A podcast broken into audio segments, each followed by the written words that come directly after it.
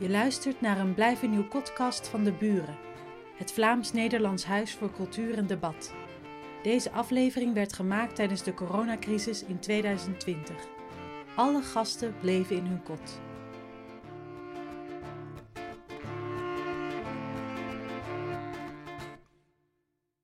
Op 22 april 2020 hadden we bij de buren een gesprek gepland over het boek Klimaat en sociale rechtvaardigheid dat Sascha Dirks samenstelde voor denktank Minerva. Op 14 maart ging het land in lockdown en waren niet-essentiële verplaatsingen niet langer toegelaten. Praten over een boek viel onder die niet-essentiële verplaatsingen. Maar het onderwerp was wel essentieel. Klimaat en sociale rechtvaardigheid we vonden het te belangrijk om te laten liggen. En dus verhuisden we het gesprek online. Ik ben Tine Hens, klimaatjournaliste voor Mo magazine. Weet u het nog, verleden jaar? Hoe gele hesjes ronde punten bezetten? Hoe jongeren door de straten trokken om een doortastend klimaatbeleid te eisen?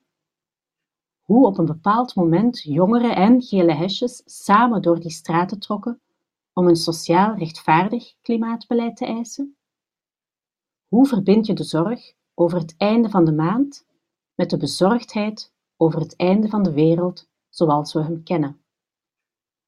De vraag is er niet minder dwingend op geworden. Mede door die klimaatprotesten en onder druk van de gele hesjes verenigde de nieuwe Europese Commissie zich rond de Green Deal. Een project dat zeker op papier de zorg om het einde van de maand van zoveel mensen moet verbinden met de grote zorgen over klimaatopwarming, verlies van biodiversiteit en het besef dat onze levens afhankelijk zijn van de gezondheid van planetaire ecosystemen. Hierover wil ik het graag hebben in dit eerste deel van de podcast met Marian Minnesma en Hans Bruinings. In het tweede deel buig ik me met Sascha Dirks, samensteller van het boek Klimaat en sociale rechtvaardigheid, en economiejournalist Stijn de Kok over die andere vraag: hoe zullen we dat allemaal betalen? Maar eerst Europa. De Green Deal en de oplossingen die er al zijn. Met Marian Minnesma en Hans Bruinings. Marian Minnesma is de directeur van de Nederlandse stichting Urgenda ze is bedrijfskundige, juriste en filosofe. In 2015 daagde ze met haar stichting de Nederlandse staat voor de rechtbank voor falend en ontoereikend klimaatbeleid. Het was de eerste zogenaamde klimaatzaak die Urgenda in 2019 finaal won. Hans Bruinings studeerde internationale relaties en internationaal milieubeleid en is sinds 2013 directeur van het Europees Milieuagentschap. 2020. Het moest het jaar van de grote omslag worden. Het jaar waarin we de grafiek van onze uitstoot van broeikasgassen eindelijk zouden ombuigen, waarin we de biodiversiteit ten gronde zouden herstellen. Het jaar begon met bosbranden en toen kwam corona. En nu luidt de vraag: wat betekent dit voor deze ambities en verwachtingen. Wat zal het effect zijn, of wat kan het effect zijn van dit virus op de vooruitgang van het klimaatbeleid? Hoe kijken jullie daarnaar? Hans, misschien eerst jij? Wel, ik denk dat is een, een uiterst relevante vraag. Hè. Je hebt natuurlijk het onmiddellijk impact van uh, de coronamaatregelen op onder andere luchtkwaliteit, maar ook op de uitstoot van broeikasgassen. Dat meten wij onder andere in de Europese lidstaten en daar uh, rapporteren wij over. En daar zou je kunnen zeggen, de, de indicaties zijn daar duidelijk. Hè. Je, je ziet een duidelijke verbetering van luchtkwaliteit. Je ziet ook geluidsoverlast die uh, afneemt. En we weten nu ook dat uh, broeikasgassen veel minder uitgestoten worden op een aantal plekken.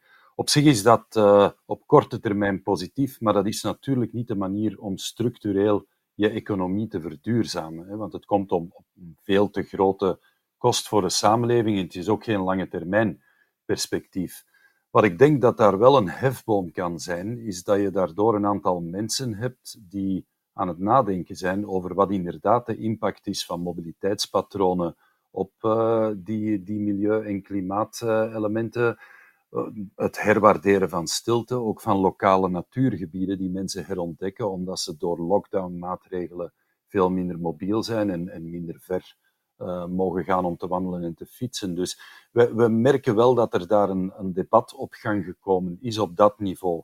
Op een meer fundamenteel niveau heb je ook het debat rond ja, de relatie tussen mens en planeet, uh, mens en biodiversiteit, ecosystemen, waarbij je meer en meer toch wel uh, tot het besef komt dat, dat heel veel van die dingen die we zien gebeuren, klimaatverandering, maar nu ook dingen zoals die corona uh, crisis, dat die toch wel samengaan met een ernstig verstoord evenwicht van die relatie tussen mens en planeet. En dus ook op dat niveau heb je vragen die gesteld worden. En ik zou zeggen, een derde niveau is het niveau van het leven in een, op, op een moment dat complexiteit, onvoorspelbaarheid en het omgaan met de risico's veel meer centraal staan. En ook daar denk ik dat je op termijn de koppeling kan maken met klimaat en met biodiversiteit. Dus ik denk wel dat die crisis ook opportuniteiten biedt om een aantal uh, vraagstukken veel grondiger te gaan bekijken en die dan ook te koppelen aan de ambities uh, van Europa rond biodiversiteit en klimaat.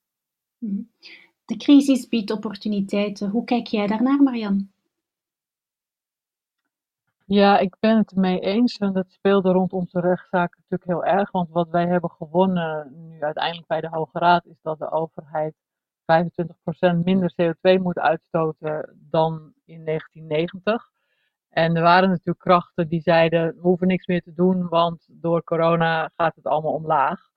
Um, en wij hebben steeds benadrukt: nee, het moet structureel zijn, want het moet 25% zijn, ook volgend jaar en het jaar daarna. En de overheid heeft dat gelukkig wel gevolgd. Dus die heeft een pad met structurele maatregelen en uh, nou, heeft nu sowieso dit jaar veel minder uitstoot. Maar we hebben geprobeerd om te kijken of we dat samen konden laten gaan. Dus als we nu doen aan energiebesparing, probeer dan het lokale MKB te betrekken. Of de mensen in Nederland die isolatiemateriaal maken, of de zonnepanelen mensen te betrekken. Alles wat zeg maar binnen een jaar kan, is of besparing of zon. Want de grote dingen red je niet in een jaar. Maar we hebben gekeken of we dingen konden doen die ook de economie weer kunnen aanjagen. En op een ander schaalniveau zie ik wel dat dat nu heel anders is dan de financiële crisis in 2008 en daarna. Dat nu de groepjes om mij heen, die, die nou ja, komen overal de grond uit van mensen die deze crisis willen gebruiken om dan tegelijkertijd te kijken hoe kan je de verduurzaming inzetten. En dat was in 2008 niet in deze mate. Want ik zie het niet alleen bij een paar activistische types of zo, maar ik zie het bij hoogleraren, bij een directeur van een zorginstelling. Iedereen heeft groepjes gemaakt om na te denken hoe je dit kan aangrijpen om meteen een structurele verandering te maken, die ook helpen voor klimaat en biodiversiteit. Dat vind ik wel anders en dat zegt iets over de tijdgeest, denk ik. In Nederland is het in ieder geval zo dat 80% van de mensen is nog steeds, ook nu midden in corona, heel bezorgd over klimaatverandering en vindt dat daar wat moet gebeuren. Op tv zie je vaak de 20% boze mensen die, die er niks van moeten hebben. Dat kleurt het beeld. Maar als je gewoon een, een algemene enquête houdt, dan blijkt dat 80% nog steeds wil dat de overheid hiermee aan de slag gaat. En je ziet dus dat daarom ook heel veel clubs proberen, nou wat kunnen we nu doen in deze anderhalve meter economie, zoals dat dan bij ons heet, uh, wat, wat tegelijkertijd iets doet voor klimaat en energie. Dus ik heb wel het gevoel dat er uh, nou, een aantal dingen samenkomen. En het kan helpen, maar het hoeft helemaal niet. Dus we zullen wel blijven videobellen en zoomen en er zal heus wel iets minder gereisd worden. Maar de natuurlijke neiging van heel veel mensen is natuurlijk om terug naar af te gaan. En het moet toch echt van allerlei partijen in de samenleving komen om te helpen om niet terug naar af te gaan. En daar is een, heeft een overheid een extreem belangrijke rol in. En ik zie dat verschillende landen dat verschillend oppakken. Uh, de mooie initiatieven die her en der zijn, dat straten worden afgesloten, dat meer gefietst gaat worden, dat uh, alleen maar steun aan luchtvaartmaatschappijen wordt gegeven onder voorwaarden. Nou, nou is de luchtvaart de enige sector die niet in tien jaar duurzaam kan worden, dus het is af en toe ingewikkeld. Maar alle andere sectoren kunnen wel veranderen. Um, dus ik vind ook dat de overheid een belangrijke rol heeft om te zeggen: we gaan je wel steunen, maar we willen wel dat het geld dan ook ingezet wordt voor die verduurzaming.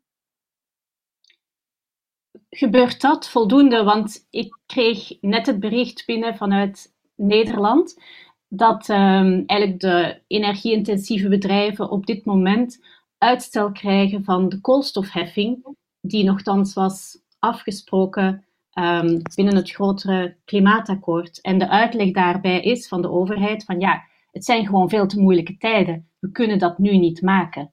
Dus dan voel je toch dat daar een, een frictie zit op het verlangen om wel iets te doen aan het klimaat, maar toch die economie zoals ze nu is, die zwaarder weegt. Ja, maar ik begrijp dat eerlijk gezegd wel. Als je bedrijf bijna op schat ligt of uh, op omvallen staat, wat toch op heel veel plekken aan de gang is, dan ga je er niet nu op dit moment iets bovenop zetten. Um, maar als je kijkt bijvoorbeeld naar ons vonnis, dan zijn er ook heel veel dingen die je nu wel kunt vragen, ook van de industrie, en die ze gewoon geld opleveren. Want van de Europese Unie en ook in alle lidstaten is het al zo dat alle energiebesparingsmaatregelen die je binnen vijf jaar kunt terugverdienen, die moet je eigenlijk nemen. Daar wordt niet echt heel erg op gehandhaafd. En wij hebben in ons vonnis ook een hele reeks van maatregelen gegeven en laten zien, dit kunnen bedrijven voor relatief weinig geld implementeren. En vaak hebben ze het al binnen een half jaar of binnen twee jaar terugverdiend. Maar omdat het niet hun belangrijkste business is en ze daar ook maar een heel klein deel is van hun kosten, doen ze het nu niet.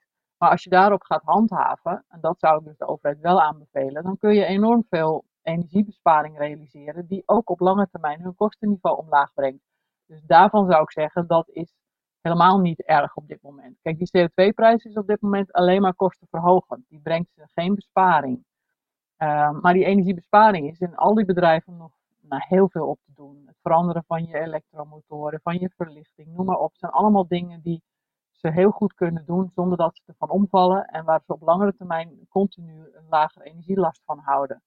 En ik denk eerlijk gezegd dat onze overheid over een half jaar of zo alsnog die, die CO2-maatregelen wil gaan nemen, maar dat ze het nu niet op dit moment gaan doen. En uh, je moet natuurlijk ook letten dat de boosheid in je samenleving niet te groot wordt, want dan heb je geen draagvlak voor alle coronamaatregelen, maar ook niet voor de energie- en klimaatmaatregelen. Dus je moet doseren. En ik denk dat ze daar heel erg mee bezig zijn. Dus ehm, ik zou daar niet al te rigide op reageren, want het is een uitzonderlijke situatie. Mhm. De boosheid in de samenleving uh, onder controle houden. Jij zei net in Nederland, en ik zag inderdaad ook de enquête uh, passeren, dat 8 op 10 van de Nederlanders uh, van plan is om minder te vliegen en minder met de auto te rijden. Maar als we naar Vlaanderen kijken, er is dit weekend ook een uh, peiling uh, gepubliceerd, dan blijkt dat klimaat helemaal uit het prioriteit, prioriteitenlijstje is um, gedonderd. Uh, het staat ergens op nummer 10.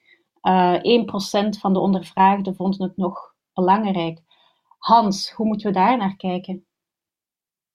Wel, ik denk die uh, enquête is afgenomen tijdens coronatijden. Hè. En, uh, en, en in België. Uh, en dat zijn twee belangrijke Vlaanderen. elementen. Ik denk, ja, wel ja, maar als deel van België, waar dat je vandaag één jaar na de verkiezingen zit en geen volwaardige regering hebt, hè, waarbij dat je nog niet het begin van de aanzet van een proces hebt om dat soort volwaardige regering te vormen, waarbij mensen zich daar uh, ja, behoorlijk uh, ofwel zorgen over maken, ofwel zich, zich uh, ja, heel ver verwijderd beginnen voelen van, van die politiek en van politieke partijen en, en politici die dat ook nog nauwelijks uitgelegd krijgen. Dus ik denk dat dat een heel belangrijke rol speelt. Want dat was wel iets waar men zich duidelijk nu erg zorgen over maakte. Uh, en het tweede element is natuurlijk de gezondheidszorg. Hè. Wat, wat helemaal terecht is tijdens coronatijden, denk ik. Uh, waarbij we wel moeten zeggen dat dat blijkt uh, dat dat nu precies wel iets is waar, waar we in België en in Vlaanderen goed voorbereid waren op korte tijd op de corona-uitbreek. onze, onze hospitaalbezetting is altijd binnen bepaalde normen gebleven. En ons gezondheidszorgsysteem is niet gekraakt onder die crisis. Dus ik kan wel begrijpen dat mensen daar prioriteit aan geven. Um, ja, hoe, het dan zit met de bezorgdheid om klimaat en milieu, dat is zo'n thema wat dat je doorheen de jaren uh, heel sterk ziet schommelen en fluctueren op dat, in dat soort bevragingen in Vlaanderen. Op Europees niveau is dat veel stabieler. Wanneer je kijkt naar de prioriteiten van Europese burgers, dan staat uh, milieu en klimaat altijd bij de topprioriteiten en dat al twintig jaar lang. Dus ik denk dat daar een grotere stabiliteit is. En het is ook niet omdat men er minder bezorgd om is dat de problemen weggaan. Dus ik, ik, heb soms de indruk dat, dat men dan reageert van ja, de, de burger vindt het niet meer zo belangrijk, dus nu is er ruimte om daar minder aandacht aan te besteden. Ja, nee, het, het, probleem gaat daarmee niet weg. Integendeel, dit is een klimaatverandering is een probleem dat met de dag ernstiger wordt, waar we doortastender moeten ingrijpen wat uh, mitigatie betreft, hè, vermindering van uitstoot van broeikasgassen, en bijkomend omdat we zo lang gewacht hebben met een aantal doortastende maatregelen, ook veel meer en sneller zullen moeten investeren in klimaatadaptatie, ons aanpassen aan een klimaat dat al aan het veranderen is. Hè.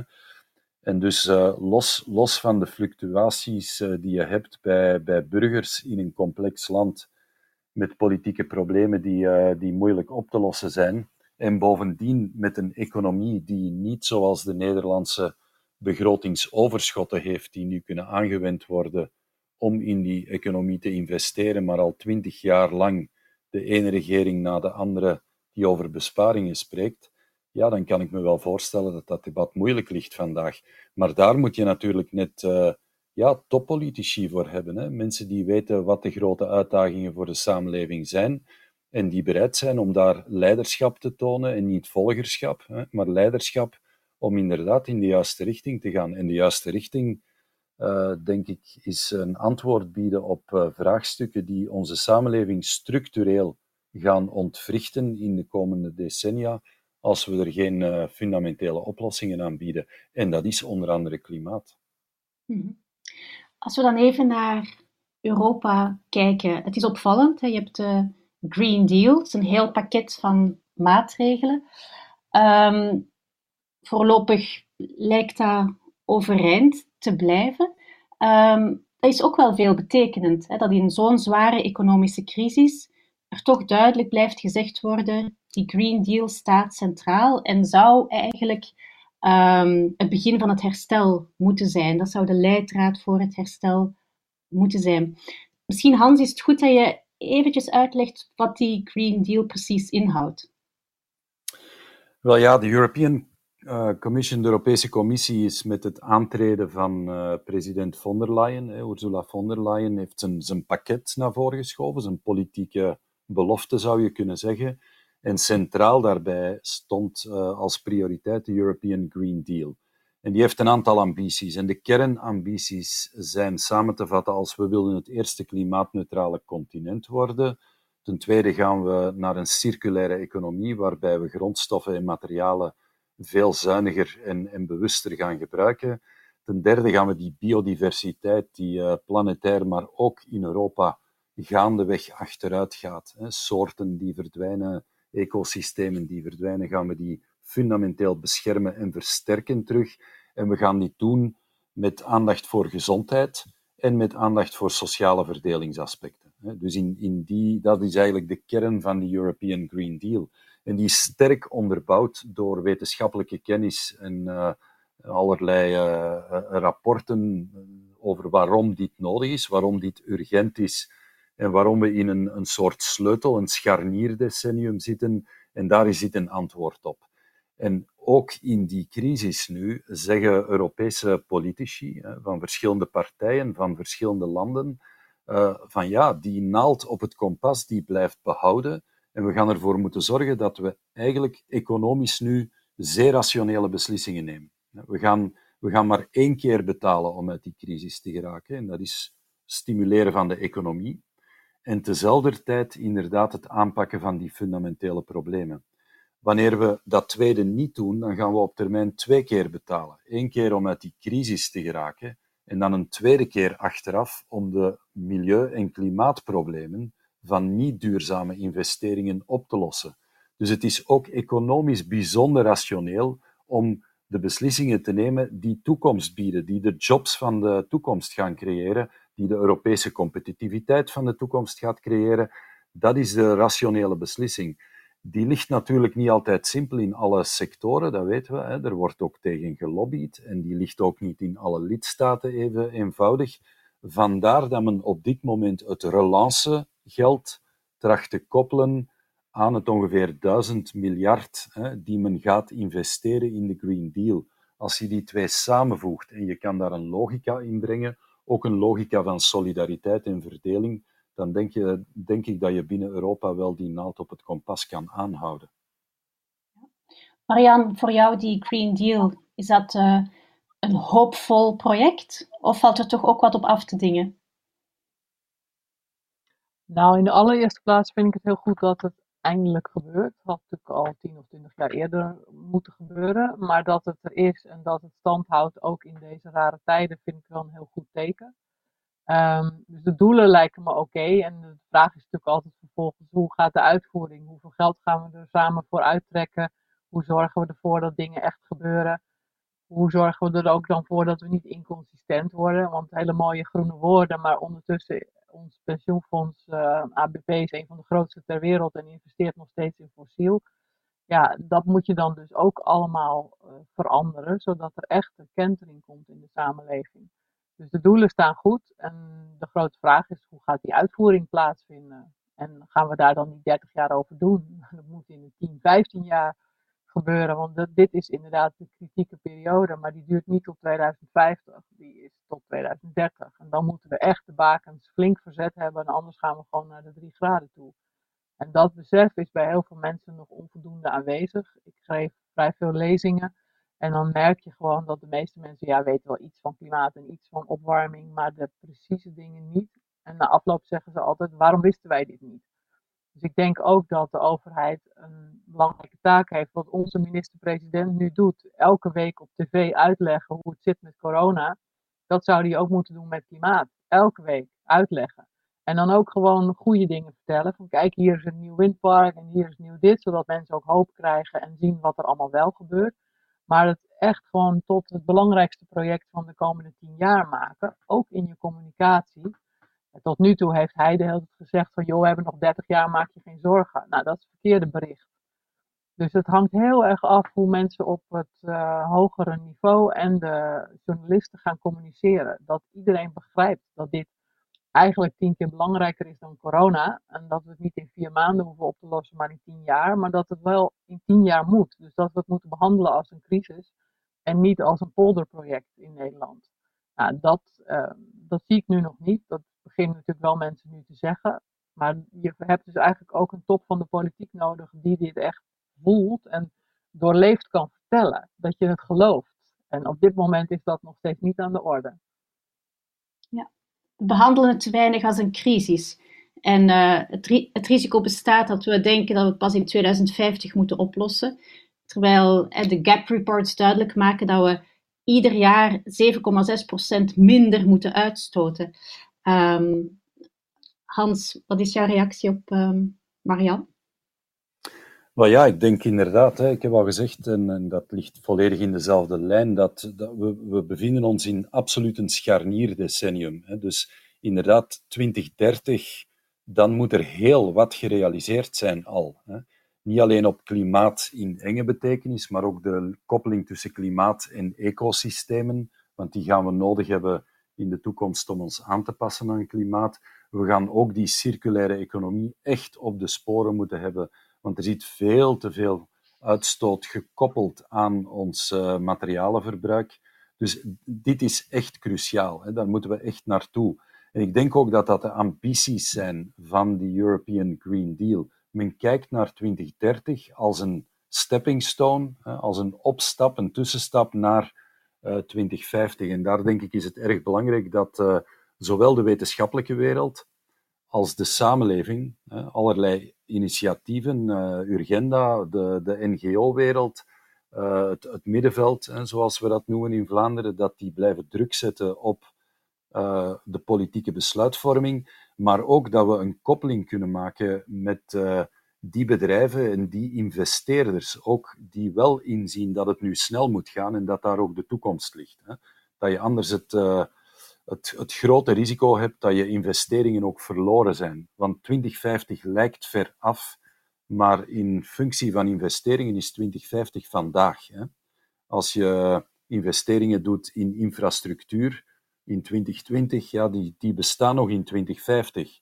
Als je een uh, energievoorziening bouwt vandaag, die is nog functioneel in 2050. Dus wat we de komende tien jaar investeren, gaat in zeer belangrijke mate bepalen hoe en of we 2050 kunnen bereiken. Ja, die grote ambities.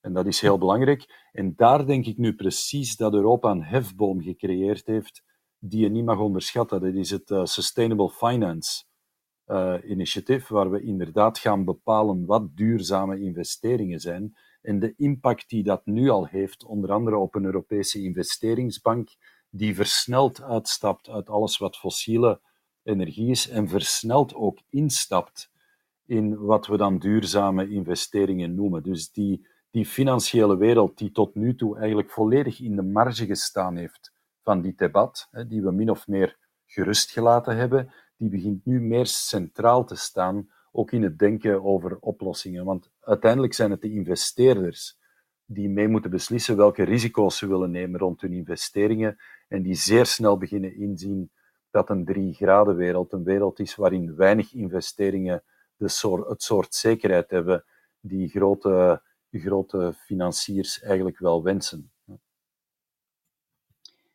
Dat is het grotere kader, maar wat corona ook betekend heeft voor heel veel mensen, is dat ze, ja, mensen die rond de armoedegrens zweefden, er ondertussen onderduiken en dat het eigenlijk vechten is om te overleven.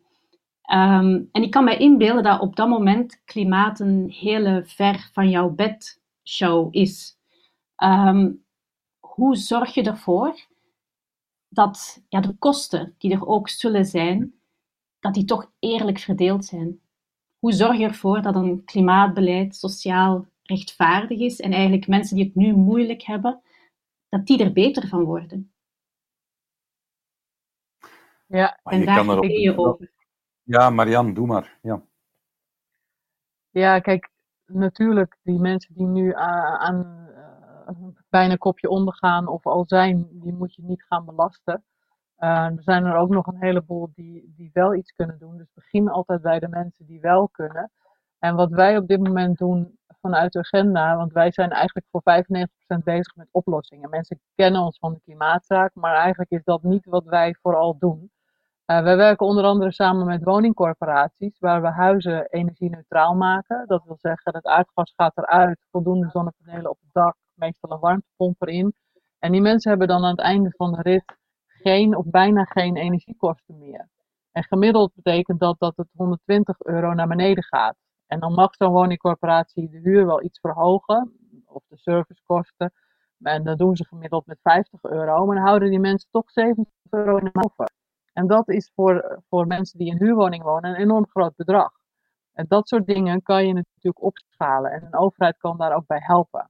Want die woningcorporaties in Nederland die moeten nu 2 miljard per jaar aan belasting betalen. Dat is gewoon aan de huur van alle huurders. Als de overheid nou zou zeggen, nou dat hoeft je niet meer onder de voorwaarde dat je dat hele bedrag inzet voor die huurders om te zorgen dat die van die energierekening afkomen. Nou, dan, dan doe je echt iets voor die lagen die het moeilijkste hebben. En ik zie op heel veel fronten gewoon genoeg concrete dingen die je zou kunnen doen. Een overheid vindt het alleen vaak ingewikkeld, want die denkt al snel in of wetgeving of subsidie. En dat hoeft in dit geval helemaal niet. Maar je moet wel zorgen dat je het mogelijk maakt dat die investeringen door in dit geval corporaties gedaan kan worden. En die mensen die betalen door een iets hogere huur het wel terug. Alleen dat, dat kost dan 20 jaar. Nou, dat is helemaal niet erg. Want dan kunnen ze, die corporaties kunnen dat hebben. Uh, en een land eventueel ook. Dus wij hebben allerlei oplossingen die uh, voor mensen goedkoper maken, of in ieder geval zeker niet duurder. Als je het helemaal zelf zou moeten betalen, gaan je maandelijkse lasten niet omhoog, maar je bent wel van je aardgas af en, en hebt helemaal je eigen duurzame energie.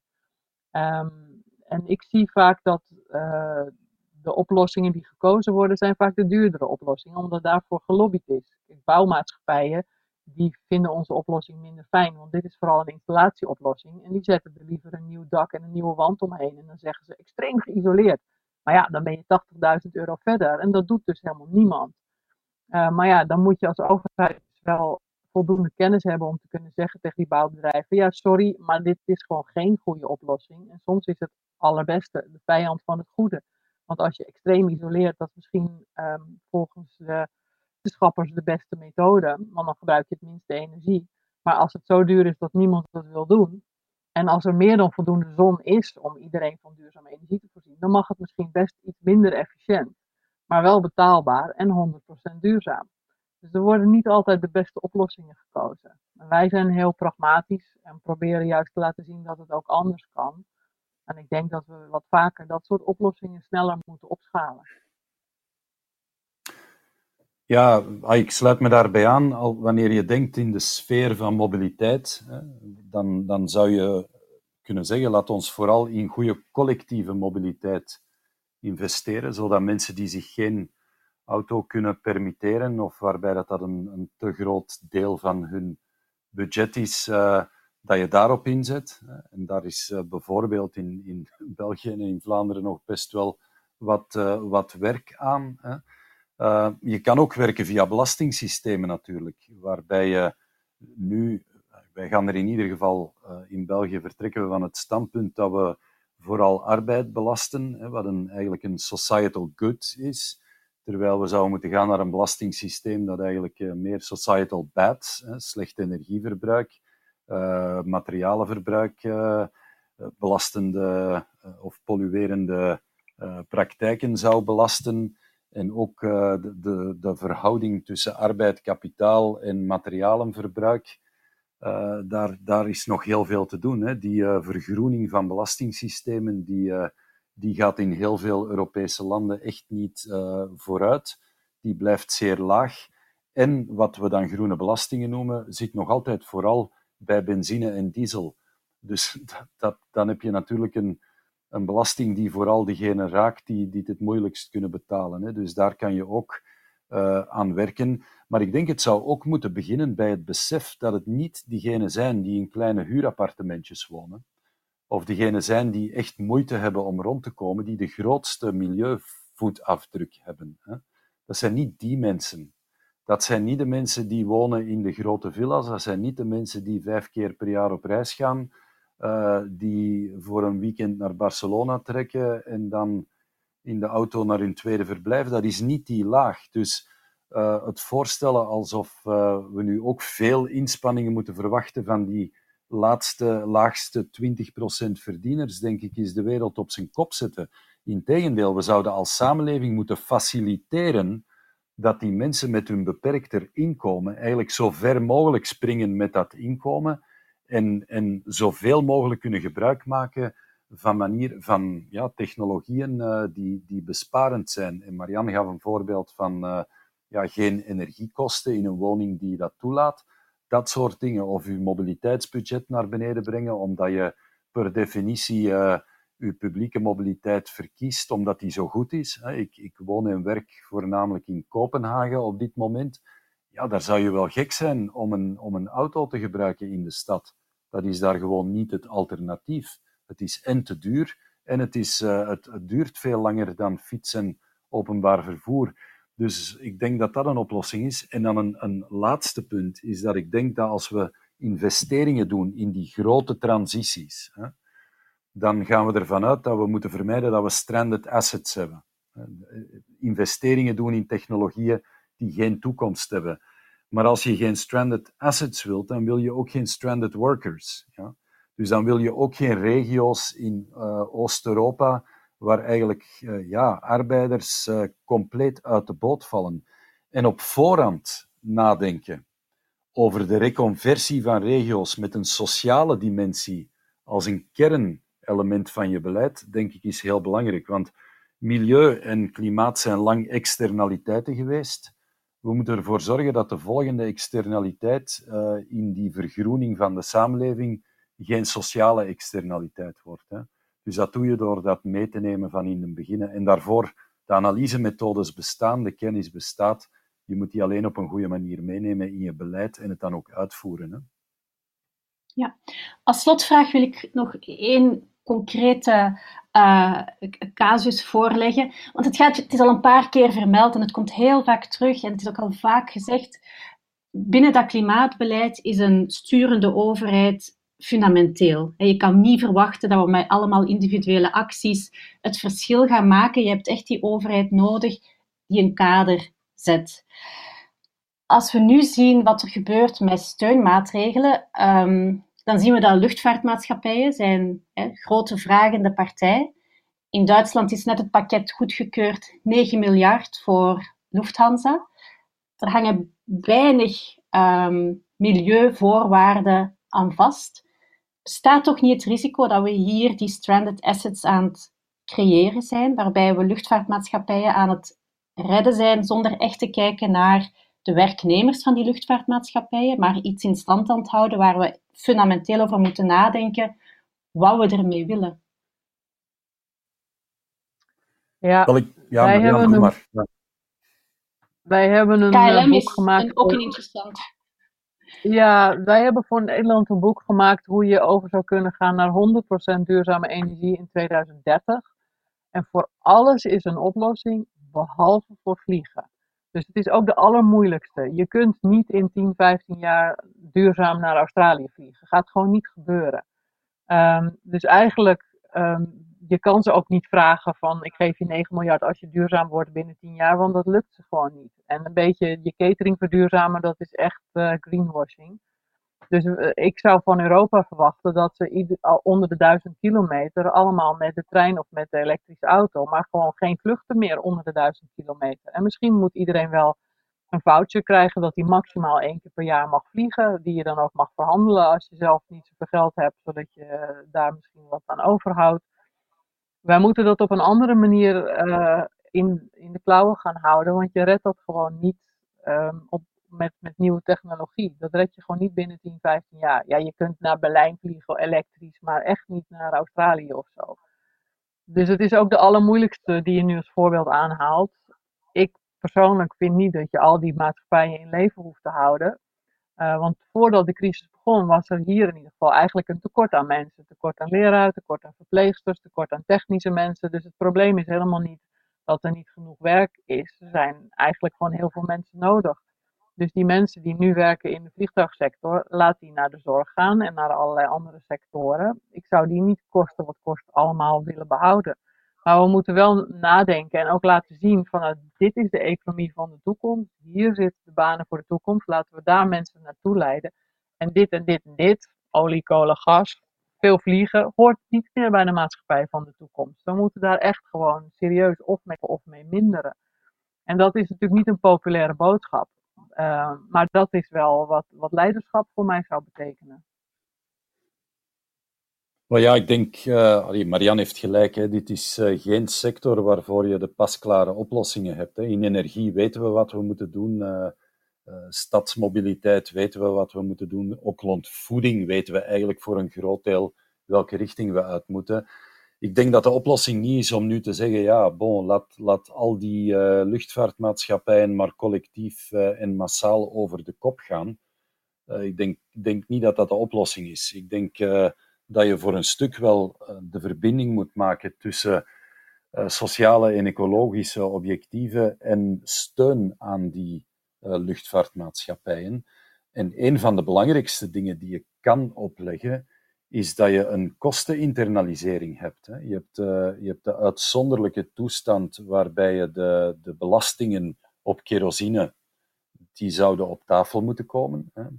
Je hebt daar uh, ook de kosteninternalisering van heel de infrastructuur uh, die daar rond bestaat. Dus ik, ik denk dat zijn elementen die nu op tafel moeten komen. En dat is geen revolutionair discours, dat is discours wat Europese instellingen, lidstaten, planbureaus, al twee, drie decennia lang gebruiken. Hè. Dus dat, dat is niet revolutionair. Wat ik denk dat wel uh, in Europa zou moeten gebeuren, is inderdaad die afstanden tot duizend kilometer.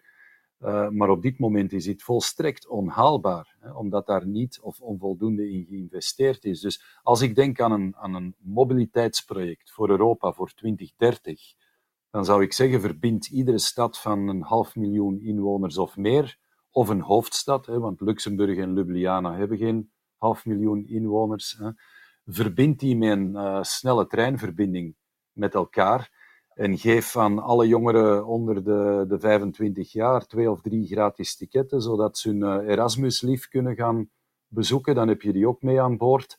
En zorg dat dat functioneel is. En wanneer je dat zegt, dan zeg je, ja, maar dat is toch wel zeer moeilijk en het vergt veel investeringen. En ja, dat zal wel zijn, maar dan denk ik, als we dat op tien, als we dat op tien jaar niet klaar krijgen, als een soort moonshot-project in Europa in mobiliteit, ja, dan stel ik me toch wel vragen over die uh, uh, klimaatneutrale samenleving tegen 2050. Want dit is wel het soort projecten wat men in China en in Japan wel aan het realiseren is. Hè. En die rijden dan in Japan nog tot op de minuutklok vast uh, daar bovenop. Hè, met uh, hoge kwaliteitstreinen en, internet op iedere rijtuig en catering en al wat dat je wil. Dus ik denk rond mobiliteit op Europese schaal dat je daar naartoe moet gaan en een kosteninternalisering, waardoor het geen zin meer heeft om voor 29,99 euro twee dagen te gaan feesten in, uh, in Barcelona uh, dat is inderdaad niet, niet het soort gedrag dat past bij een samenleving de komende decennia.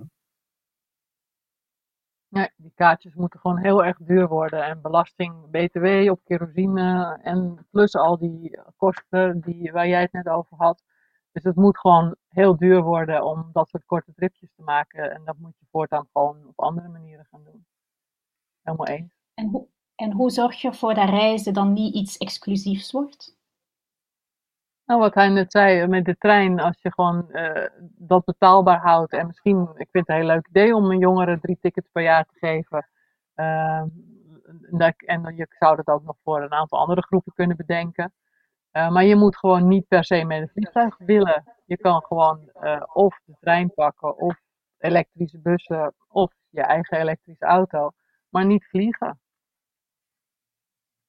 En, en ik denk, je moet, je moet, ja, je moet daar realistisch in zijn. Hè. Kijk, als je zegt, ja, vliegen is oud, dit kan je niet meer doen en niemand kan dat nog betalen buiten uh, rijke zakenmensen of uh, topmensen, dat is niet verkoopbaar. De samenleving is niet geëvolueerd in die richting. Dus je moet, je moet een manier vinden waarbij je zegt van, kijk, natuurlijk kan je nog wel eens naar, naar, naar Barcelona gaan of naar weet ik veel waar. Hè dat is de moderne samenleving ook. Maar je, je zou dat moeten plaatsen onder op zijn minst een principe waarbij je ziet dat er een graduele uh, afbouw is van de uitstoot in die luchtvaartsector. Want op dit moment, als we klimaatneutraal willen zijn tegen 2050, dan heb je de landbouw die zegt, ja, maar wij zijn uitzonderlijk. En dan heb je de luchtvaartmaatschappijen die zeggen, de luchtvaartsector zegt, ja, maar wij zijn uitzonderlijk. En dan heb je voor een stuk mobiliteit, de, de, die zeggen, ja, maar eigenlijk zijn wij ook uitzonderlijk. En, en, en. En als je dat allemaal samentelt, ja, dan komen we er nooit. Dus je zal moeten gaan naar andere systemen waarbij je ook compenserend optreedt. En daar heb je die natuur voor nodig, die negative emissions maar die gaan maar zoveel kunnen opvangen. Dus dan ga je moeten gaan naar een systeem waarbij, ja, waarbij het uh, minder eenvoudig wordt en je misschien gaat uh, moeten zeggen aan mensen, ja, je kan misschien om de, om de drie of om de vier jaar nog eens een wat langere reis met een vliegtuig doen. En daar stopt het dan ook. En het argument om te zeggen de superrijken die gaan daar niet onder vallen, dat is een heel andere discussie, denk ik. Uh, het gedrag van de superrijken, dat reguleer je niet met normale wetgeving op gedrag en normale prijzen op een normale markt. Daar heb je een andere aanpak voor nodig. En welke aanpak is daar? Dat is mijn echte laatste vraag. Wel, um, ik zal de vraag indirect beantwoorden. Als we denken over lange termijn duurzaamheid, dan kijken we veel naar technologieën, gedragsverandering, al die dingen.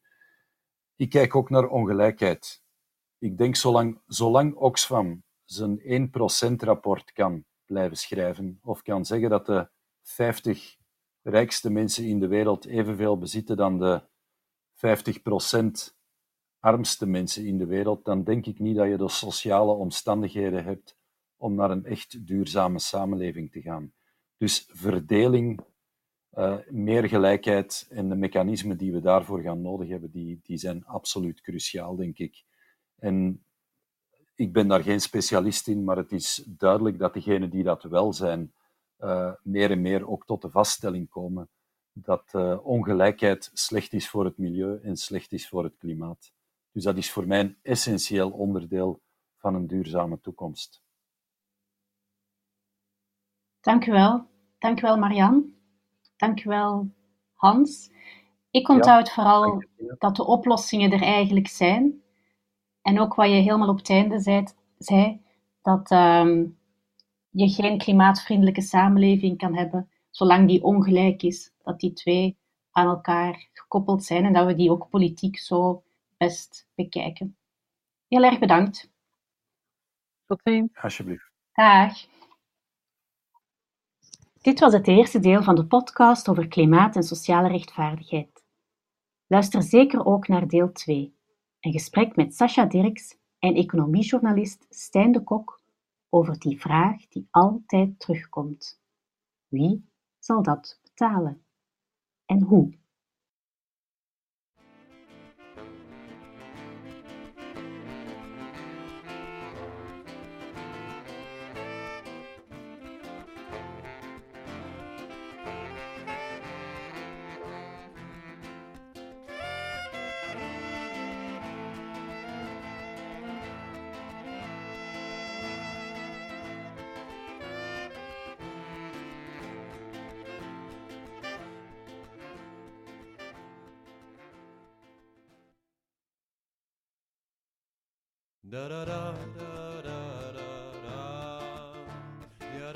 Bedankt voor het luisteren naar deze Blijf in podcast.